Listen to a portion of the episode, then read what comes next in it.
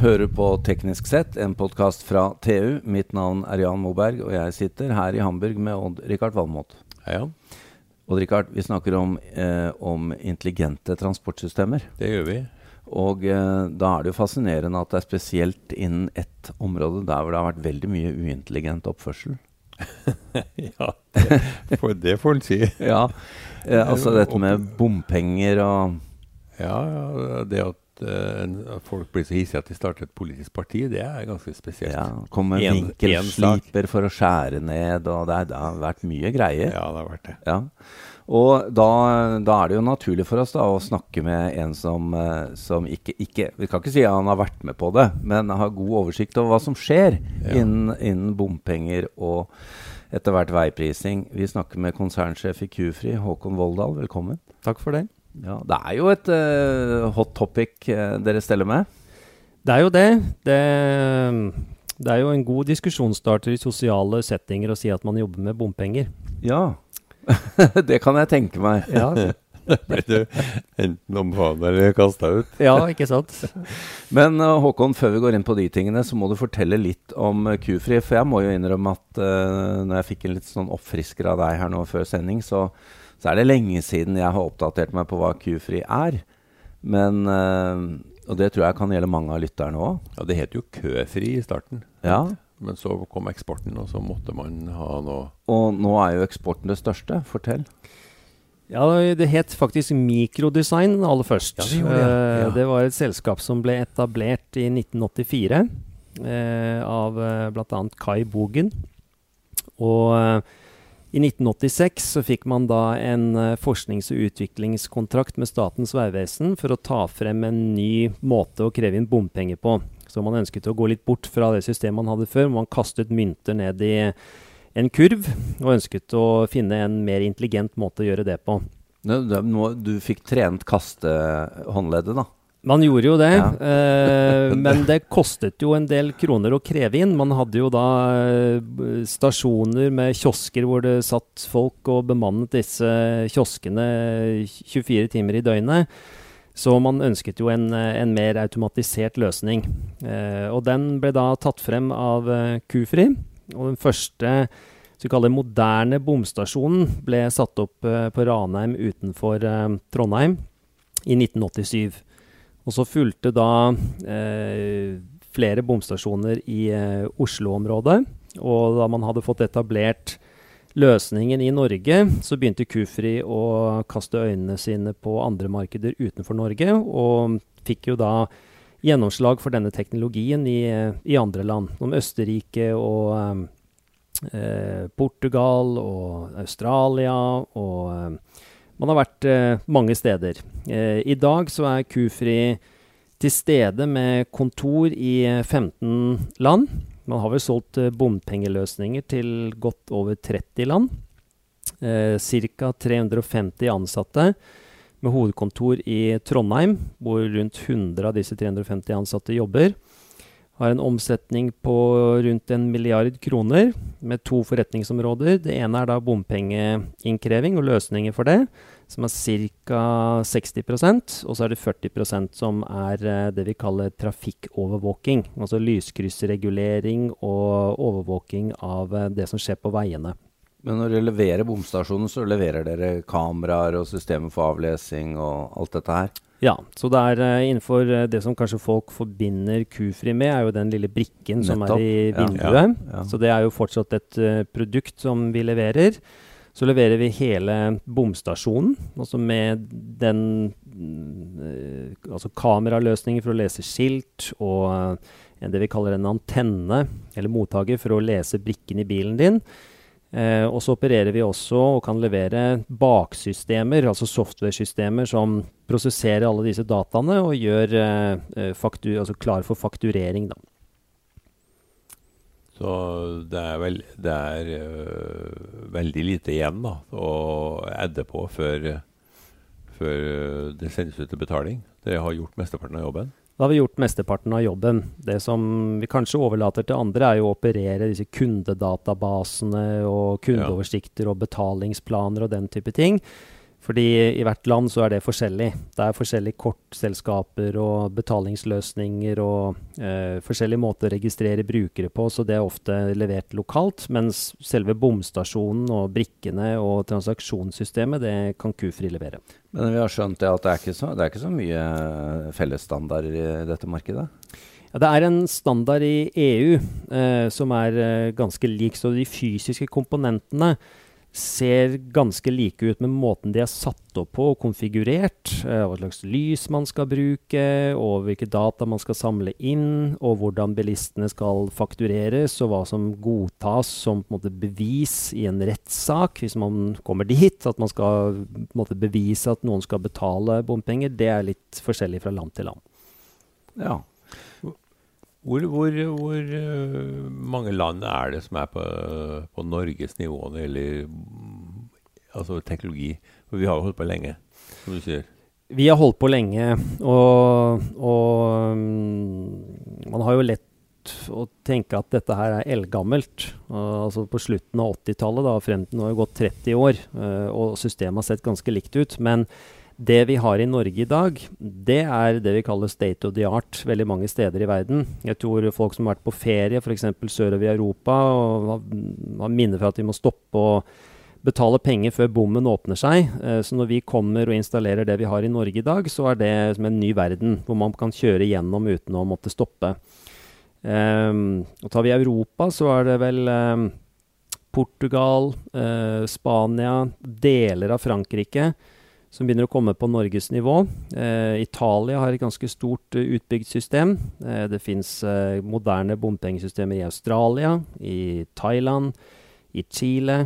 Eh, ja, det er, det er, ganske mange land som har bompengesystemer, men jeg vil, tross, jeg vil si at Norge er blant de fremste. Eh, det er få land som har et like moderne og velfungerende bompengesystem mm. som Norge. Det er et uh, veldig nøyaktig system med høy oppetid og god kvalitet på det som gjøres. Men allikevel så diskuterer vi nå å erstatte det med, med det begrepet veiprising. Ja, og det er jo litt ulike årsaker uh, til, uh, til, det. Det ene er jo kanskje at man blir litt lei eh, av noe man har hatt i 30 år og tenker at nå har verden beveget seg videre og vi må finne noe, noe annet å gjøre. Men jeg tror kanskje den viktigste årsaken er at man for å finansiere veiutbygging og vedlikehold av veier, så er AS Norge avhengig av å hente inn noen penger. Mm. Eh, og måten de pengene kreves inn på, eh, kan jo endre seg. Da, og da burde det ikke være bom med i begrepet.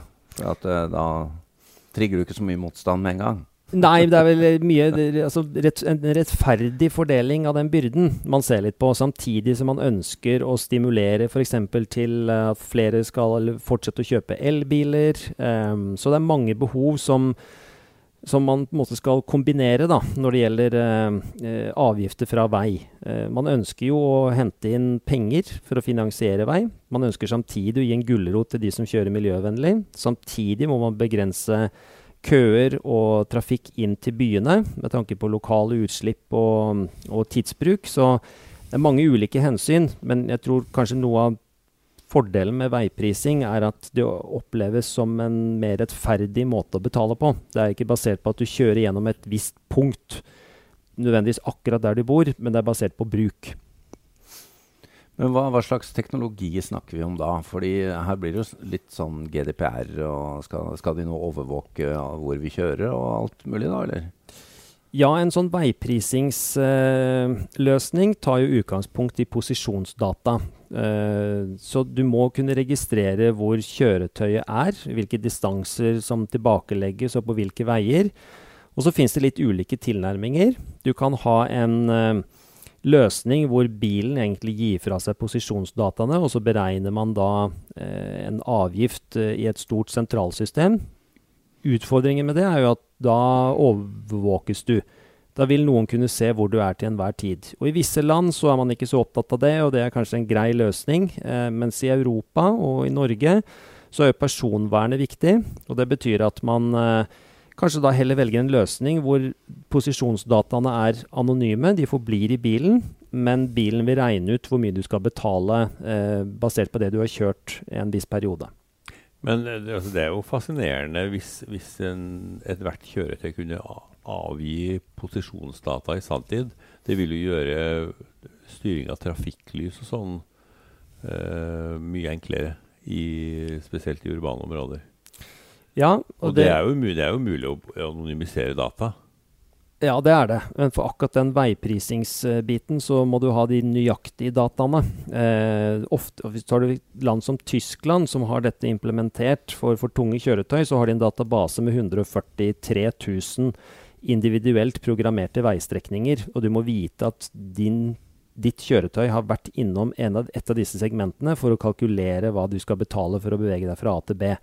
Så det er vanskelig å anonymisere det med tanke på betaling, mens på lyskryss så finnes det jo andre løsninger. Um, det leverer vi jo for øvrig også, men uh, intelligent lyskryssstyring uh, kan mye basere seg på historiske data.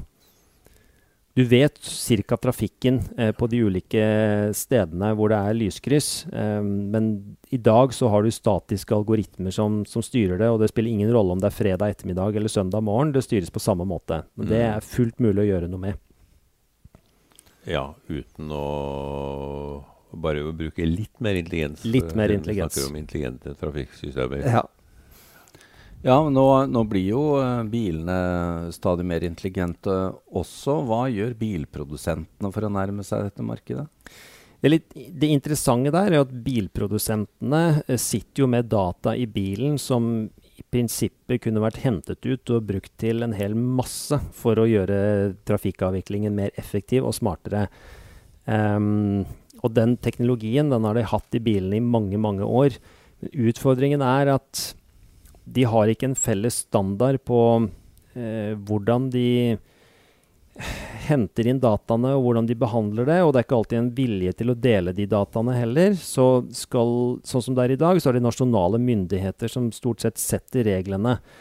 Eh, og som må definere hvordan dette skal fungere i hvert enkelt land. Eh, og Det blir litt på samme måte som at Navigasjon skulle i utgangspunktet være ganske enkelt, men du har jo Google Maps, og du har Here, og du har andre plattformer i bilen som egentlig gjør det samme, men det finnes en fire-fem forskjellige navigasjonssystemer, til tross for at du løser egentlig akkurat samme oppgave. og det er fordi at Bilindustrien blir ikke enig om én måte å gjøre det på. De tror at de gjør det bedre selv enn det andre gjør, og så ønsker de å fortsette med det arbeidet de gjør. Da.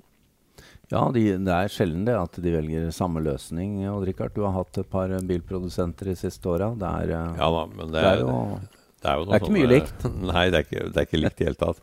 Men jeg har gått fra statiske uh, digitale kart til strømmekart. ikke sant? Og der, der, går det et stort skille. Men strømmekart uten trafikkinformasjon, ikke sant? Det, det får du på Google. Mm. Så det betyr at du legger jo ikke fra deg telefonen ennå. Selv om du kjører Tesla. Men Håkon, når det gjelder sensorikk og kamera, hva er eh, det siste på utviklingen der? For det, dette var jo en del av det dere var eh, tidlig ute med. Ja, den, grunn, altså, den grunnleggende teknologien for å lese en brikke, eh, den er stort sett den samme. Men brikkene blir eh, mindre og mindre, og leserne blir mer og mer nøyaktige. Så vi kan jo eh, definere posisjonen til en bil ved å lese brikken ned på eh, meternivå. Eh, der hvor det har skjedd mest, det er kanskje på kamerasiden, hvor man bruker eh, smarte kameraer til å tracke, som heter på godt norsk, bilens bevegelser og lese skiltene i eh, vanskelige og utfordrende forhold som vi har i Norge. Det er ganske mange skilt som er vanskelig å lese, for det er snø og slaps og regn og vanskelige lysforhold. Så jeg vil si at det som er den store forskjellen mellom eh, bompengestasjonene på 90-tallet og i dag, det er kanskje kamerasiden. Den nøyaktigheten du får i skiltgjenkjenning, og at du klarer å fakturere stort sett de fleste transaksjoner. Um, det er den store forskjellen. Men er det, er det, mye manuelt arbeid involvert? Kan du si noe om det? Nei, det er, det er jo der kameraene blir bedre og bedre. Så, som du kan si Før så var det en stor andel av bildene som måtte sendes til manuell behandling, hvor det sitter folk og ser på bilder og skriver inn bilnummeret. I dag så er veldig mye av det automatisert, eh, og du har masse algoritmer og filtre og verktøy for å kunne lese skiltene automatisk. Men det er fortsatt et innslag av manuell behandling. Ikke så mye i Norge, hvor vi hadde standardiserte bilskilt, men i en del andre land så ser skiltene helt forskjellige ut. og Det er mye falske skilter, og, og de er kanskje plassert på rare steder. Så det er fortsatt et visst innslag av manuelt arbeid, da, men det blir mindre og mindre. Mm. Er, er, leser jeg bare optiske spekteret, eller går det Bruker, utover IR? Du kan, i, de, I Norge så bruker vi infrarødt lys. Oh, ja. eh, det har litt med at man har en hypotese om at hvis du bruker synlig lys og blitsen du bruker, så forstyrrer det sjåføren. Men det er andre land som bruker synlig lys. Eh, og Fordelen med det er at du får mer informasjon om kjøretøyet. Eh, med farge og, og, den type ting. da. Ja. Og kan få også bedre bildekvalitet. Så um, det er en kombinasjon av synlig lys og infrarødt lys som brukes for å lese bildene i dag. Håkon, avslutningsvis må vi inn på litt dette som, uh, som gjør det unødvendig å lese uh, skilt, nemlig dette med brikke i bil. Og uh, etter et par bilbytter de siste årene, så sitter jeg med Jeg har registrert en brikke på min bil, men det er en brikke jeg ikke finner. Og så har jeg en brikke som jeg ikke vet hvor kommer fra. Er det mange som meg som ikke har aktiv brikke i bilen? Det er, eh, hvis jeg husker tallene korrekt, 80 eh, som har en brikkeavtale, og 20% som ikke har det. Eh, og så er det nok noen som har brikkene liggende og slenge i skuffer og skap ja, jeg er hjemme. En av de. Ja, du er ja. en av dem, ja. Jeg må rydde opp i det, for jeg finner ikke fram. Nei, og for, Fordelen med, med, brikken da, fra, fra brukerens ståsted, det er jo at du får faktisk 20% rabatt mm. på bompengepasseringene. Det er det ikke alle som vet, men har du en brikkeavtale og en brikke i bilen, så er det billigere å kjøre i bomringen enn om du ikke har det.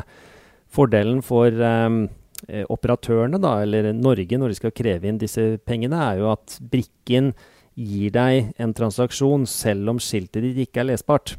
Ja. Så uh, måten bompengesystemet fungerer på i Norge, det er at har du en brikkeavlesning, så er det 100% Har du ikke en brikkeavlesning, så leter du etter skilt. Ja. Nei, men det er, jeg må jo bare love å, å få dette i orden. Du, har du orden på det? Jeg har orden på det, Jan. Ja, der kan du se. Her har jeg en jobb å gjøre. Det var uh, godt å høre at du, du er et rot i huet. Men uh, Håkon Voldal, konsernsjef i Kufri, takk for at du tok deg tid uh, til oss. Bare hyggelig. Og lykke til med konferansen nå etterpå. Det er sikkert mye spennende for deg der. Takk for det. Takk til Odd-Rikard Valmot, og mitt navn er Jan Moberg.